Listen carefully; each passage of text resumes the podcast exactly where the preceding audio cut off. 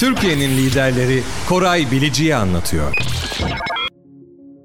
Herkese merhaba. Türkiye'nin liderleri Koray Bilici anlatıyor sohbetleri serisi Sportif CEO'su Zeynep Selgur ile devam ediyor.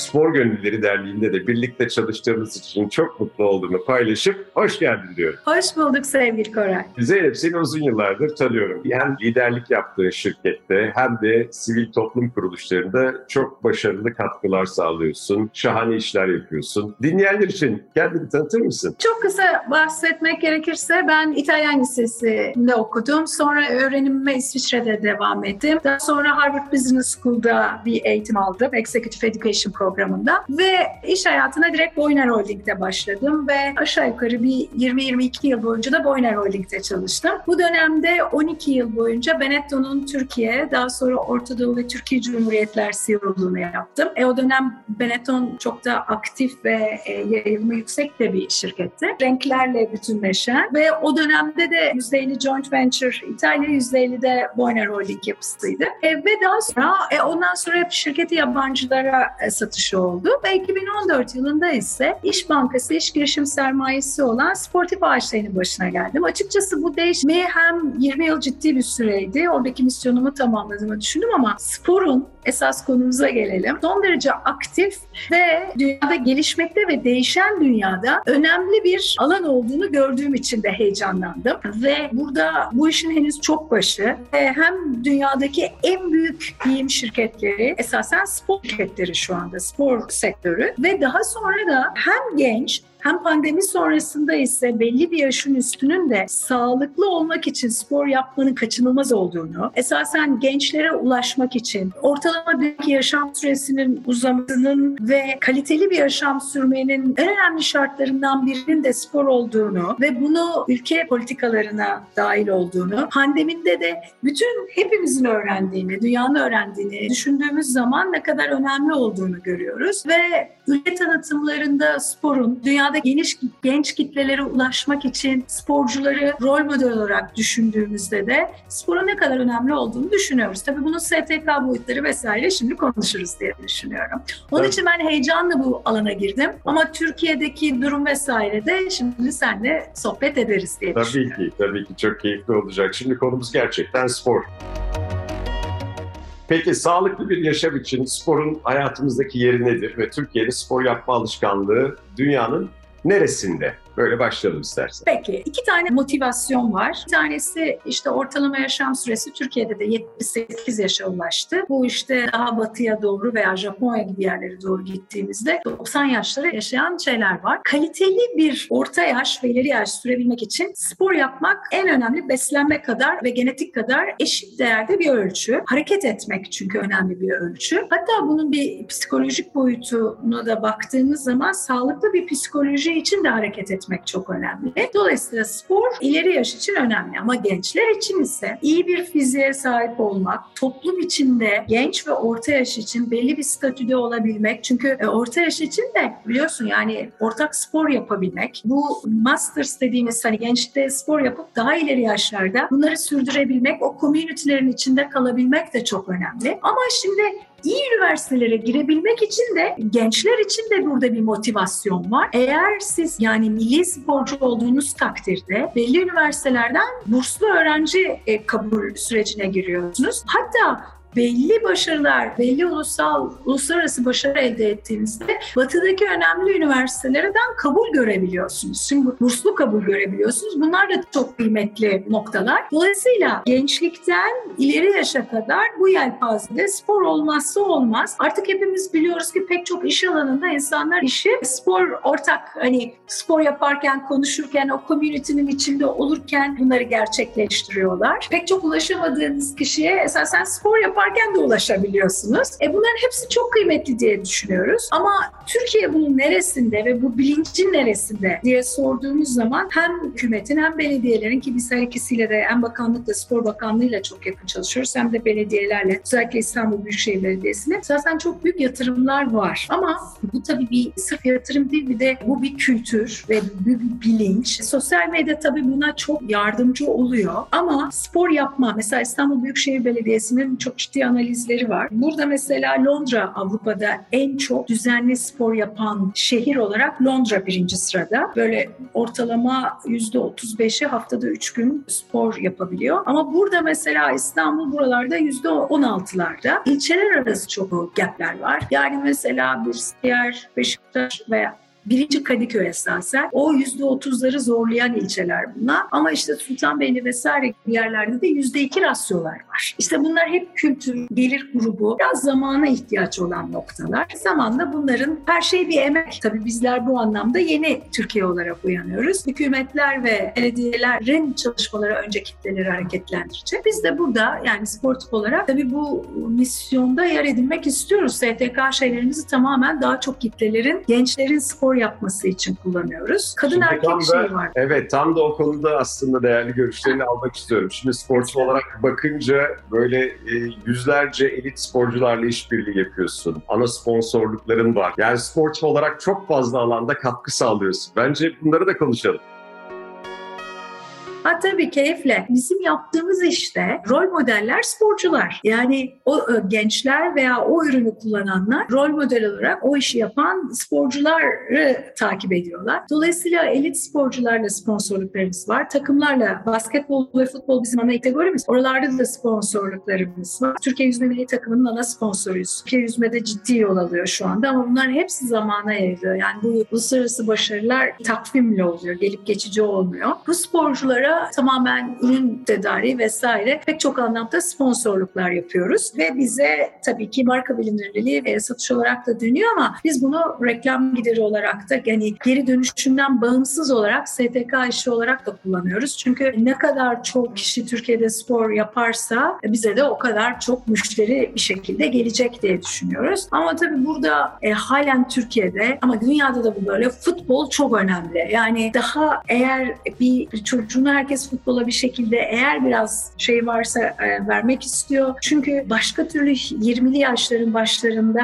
hiçbir genç öyle bir gelir elde edemiyor bir şekilde futbolcu olmazsa veya basketbol tabii o biraz fizik de gerektiriyor. İyi bir profesyonel basketbolcu olduğu zaman önünün nasıl olduğunu NBA'ye giden Türk basketbolcuları da gördüğü zaman gençler rol model olduğunu gördüğü zaman belli bir kitlenin de fiziken uygunluğu takdirde basketbol için çocuklarını şey yapıyor. Yüzme tabii daha onlar profesyonel olmayan daha şey alanlar ama orada da tabii Amerika üniversite başvurularında inanılmaz gelişmeler var. Dolayısıyla oralarda da o işler var. Spor ama dikkat edersen e, Koray son dönemde Türk kadın sporcuların bireysel atletizm, voleybol gibi alanlarda başarılarını görüyoruz. Burada da şu var. Özellikle ben bir evde de çalışıyorum. Basketbol için destek vakfı vesaire. Oralarda da şunu yapıyoruz. Özellikle doğuda veya Karadeniz'in belli bölgelerinde köylerde kız basketbolcular yetiştirmek üzere. O kadar emek sarf ediyorlar ki çünkü o kız çocuğunun kurtulmak için yani hayatında kurtulmak demeyeyim de hayatta ilerleyebilir. Zaten bir sıfır geride başlıyor. Erkek çocuk daha avantajlı başlıyor doğuda. O eğer spordan kendini bir şekilde öne çıkarabilirse büyük bir çıkış yolu kendi geleceği için ve orada inanılmaz performanslarla karşılaşıyoruz. Oralara çok destek oluyoruz. Doğudan sporcu çıkmak illa artık doğudan da olması gerekmiyor. Batıda da bir kız çocuğu için çok büyük bir çıkış yolu. Onun için dikkat ederseniz atletizm vesaire o alanlarda da çok büyük kız kadın sporcularda başarı hikayeleri çıkmaya başladı. Bunlar da çok kıymetli. Ne kadar güzel bunları duymak tabii. Sen bu bütün gelişmeleri birebir takip ediyorsun ve çok güzel bizleri motive eden, umutlandıran gelişmeler. Zeynep'ciğim 360 derece spor şirketi ne demek? 360 spor şirketi. Şimdi yaptığımız iş biraz da bir firması. Bizim sırf mağazalarımız ve online satışımız olsa omnichannel dediğimiz geleneksel bir iş yapmış oluyoruz. Fakat spor öyle bir şey ki demin ne ifade ettik? Rol model gerekiyor dedik. Onun için biz takım sporları işimiz var. Yani basketbol, futbol, yüzme gibi o alanlara takımlara bütün ekipman ve teknik malzeme tedariği satışı gerçekleştiriyoruz. Bakanlık, belediyelerle ürün tedariği, onların da spor alanlarında ürün tedariği yapıyoruz. Belli büyük markalarında, iki tane büyük global markanın da Türkiye'de toptan satışını yapıyoruz ve kurumsal satışlar yapıyoruz spor alanında. Dolayısıyla 360 olarak o sporu tamamlamış oluyoruz. Spor dediğimiz an Türkiye'de ne oluyor, ne bitiyor bir ciddi bir şeyimiz oluyor. Mutlaka bizden bir şekilde geçmiş oluyor o satış diyelim. 360 öyle ifade ediyoruz. Evet çok güzel bir tarım. Şimdi elimdeki notlara bakıyorum da inovatif ürünler en çok spor ürünlerinde kullanılıyor diye bir bilgi var. Ve bu bilgiyi de biraz hani konuşalım nedir nedir ve spor ürünleri satın alırken bir de dinleyiciler en çok nelere dikkat etsinler.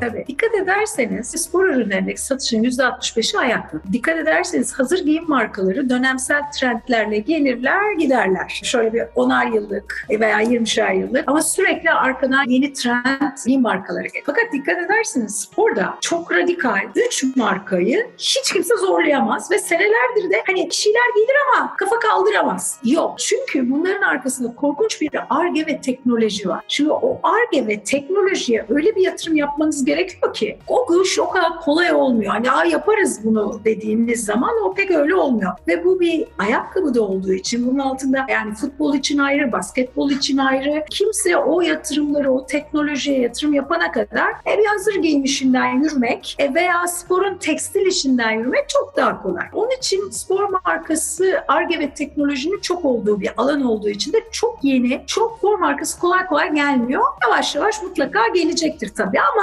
yine de bu büyüklükle bu rekabet kolay olmuyor. Ama ben de bu spor işine girmeden önce yani mesela yürüyüş ayakkabısı kendim alıyordum ama hani bir dolabımdan bir tişörtle de yürüyüş yapıyordum kendimce. Ama bu işe ilk başladığımda ayakkabıdan bile önemli olduğunu öğrendim bu işte. Çünkü bu teknoloji ürünleriyle koşup veya yürüdüğünüz zaman özellikle tişört gibi şeylerde bütün terinizi o teknolojik kumaşlar çekiyor anında. Aksi takdirde mesela haftada 3 yürüyen biriyseniz ve koton bir şeylerle, dolaptan bir şeylerle yürüyorsanız omuriliğe birkaç sene sonra zarar vermeye, omuriliğinize zarar vermeye başlıyorsunuz. Bunlar tabii öğretilmiyor. Bunlar çok bilinmiyor. Harika bir yürüyüş ayakkabısıyla yürüyorum diyorsunuz ama koton tişörtle yürüyorsunuz. Ama bu teknolojik ürünlere dikkat etmek gerekiyor. Özellikle tişört gibi şeylerde. Dolayısıyla en çok yapılması gerekenler ayakkabı konusuna geleceğim. Ya aldığınız ürünün içeriğini mutlaka bakın tekstilde ve sorgulayın bunu veya satış elemanına sorun satış personeline. Ayakkabıda ise ben mesela bizim Bağdat Caddesi'nde mağazasına hemen o safe size diye bir şey koyduk. Basaraktan sizin basışınıza en uygun sneaker'ı veya ayakkabıyı size alternatif ama yürüyüş için mi, koşu için mi, futbol için mi, basketbol için mi size sunuyor. Aa ne var ki diyorsunuz ama içe basıyorsanız, dışa basıyorsanız, düz tabansanız falan gibi şeylerde inanın doğru ayakkabıya giymek sizin spor yapıyorsanız performansınızı arttırıyor veya yürüyüş yapıyorsanız sizin duruş biçiminizi ciddi fark ettiriyor. Bunlar önemli olduğunu düşünüyorum. Peki Zeynep, şimdi bu pandemi dönemiyle beraber işte dijitalleşme hız kazandı. İnsanlar artık fotoğrafta bütün tüketimini neredeyse online şekilde alıyor. Spor ürünlerini biraz senden dinleyeceğiz. Hani o tarafta ne kadar bir talep oluştu ve spor perakendiciliğinde dijitalleşme nerede? Mağaza satışları versus dijital satın alma. Paylaşır mısın biraz? Açıkçası dijitalleşme pandemiyle tam da ifade ettiğin gibi üç haneli falan yani iki veya üç haneli rakamlarla büyümeye başladı. Fakat ben Birleşmiş Markalar Derneği de yönetim kurulu üyesiyim aynı zamanda. 2022'nin ilk 6 aylık datasına baktığımız zaman Türkiye'de online %25 oranında büyüdü. Yani enflasyonun çok gerisinde büyüdü. Dünyada da online %13 oranında. Yani esasen büyümeler artık ciddi durağanlaştı. Hatta Türkiye perspektifinden bakınca küçüldü. Çünkü bakmayın insanlar çok hızlı mağazalara, sokağa, hayata, yaşama geri döndü. Yani kafeler falan hayat ne kadar değil mi? Yoğun. Ama şöyle de bir gerçek var. Çok hızlı dijitalleştik ve toplam şirket cirosunun içinde aşağı yukarı %20 ile 25 bantında değişkenlikte arz etse dijitalden geliyor. Fakat tabii tekrar döndü hızlı mağaza açmaya. Ama sporda tabii genç ağırlıklı tüketim olduğu için gençler son derece tabii dijital gençlik arkadan öyle geliyor ve laptop değil tamamen app üzerinden işler dönüyor artık. Dolayısıyla hani hem iletişimimiz hem satışımız evet biraz 2022 dataları yavaşlasa bile çünkü öbür türlü de normal bir büyüme değildi. Bir transition, bir geçiş dönemi 2022. 2023 itibariyle benzer bir hızla dijital büyüyecek. Ama sporda tabii bu daha hızlı büyüme oluyor. Çünkü genç alternatifinde çok bilmiyor. Dijitalde kadın erkek müşteri şeyimiz yok. Ama sporda şöyle bir şey var. Sporda dünyada da dünyada, Türkiye'de de satışın ve tüketimin %65'ini erkekler gerçekleştiriyor. %35'ini kadınlar gerçekleştiriyor. Yani bu da normal çünkü hani mesela futbol, basketbol gibi iki ana kategori var ki kadın orada çok daha minör. Bir de erkeklerin de şöyle ya yani erkeklerin dünyası gibi alışveriş etmeyi sevdikleri bir alan diyelim. Biz çok severiz perakendeciler mesela iki erkek gelsin, üç erkek gelsin, tek erkek. Çünkü onlar böyle çok sevdikleri bir alanda servis alsınlar falan bayılıyorlarken kadın daha yeni spor yapmaya başlıyor. Tabii sneakers, spor giyim çok trend. Kadın oradan işlere giriyor. Onların alanları daha yoga, yürüyüş gibi, training gibi alanlar ama ama bu dünya biraz erkeklerin dünyası. Yani Türkiye orada globalle tam üst üste oturuyor 65-35 dengesi. Evet. Ama biz de yatırımcılar olarak globalde de Türkiye'de de yatırımcılar hep şey anlatıyoruz. İşte kadınlar da daha çok tüketecek, şirketler onun için daha çok büyüyecek. Ama erkekler hiçbir zaman,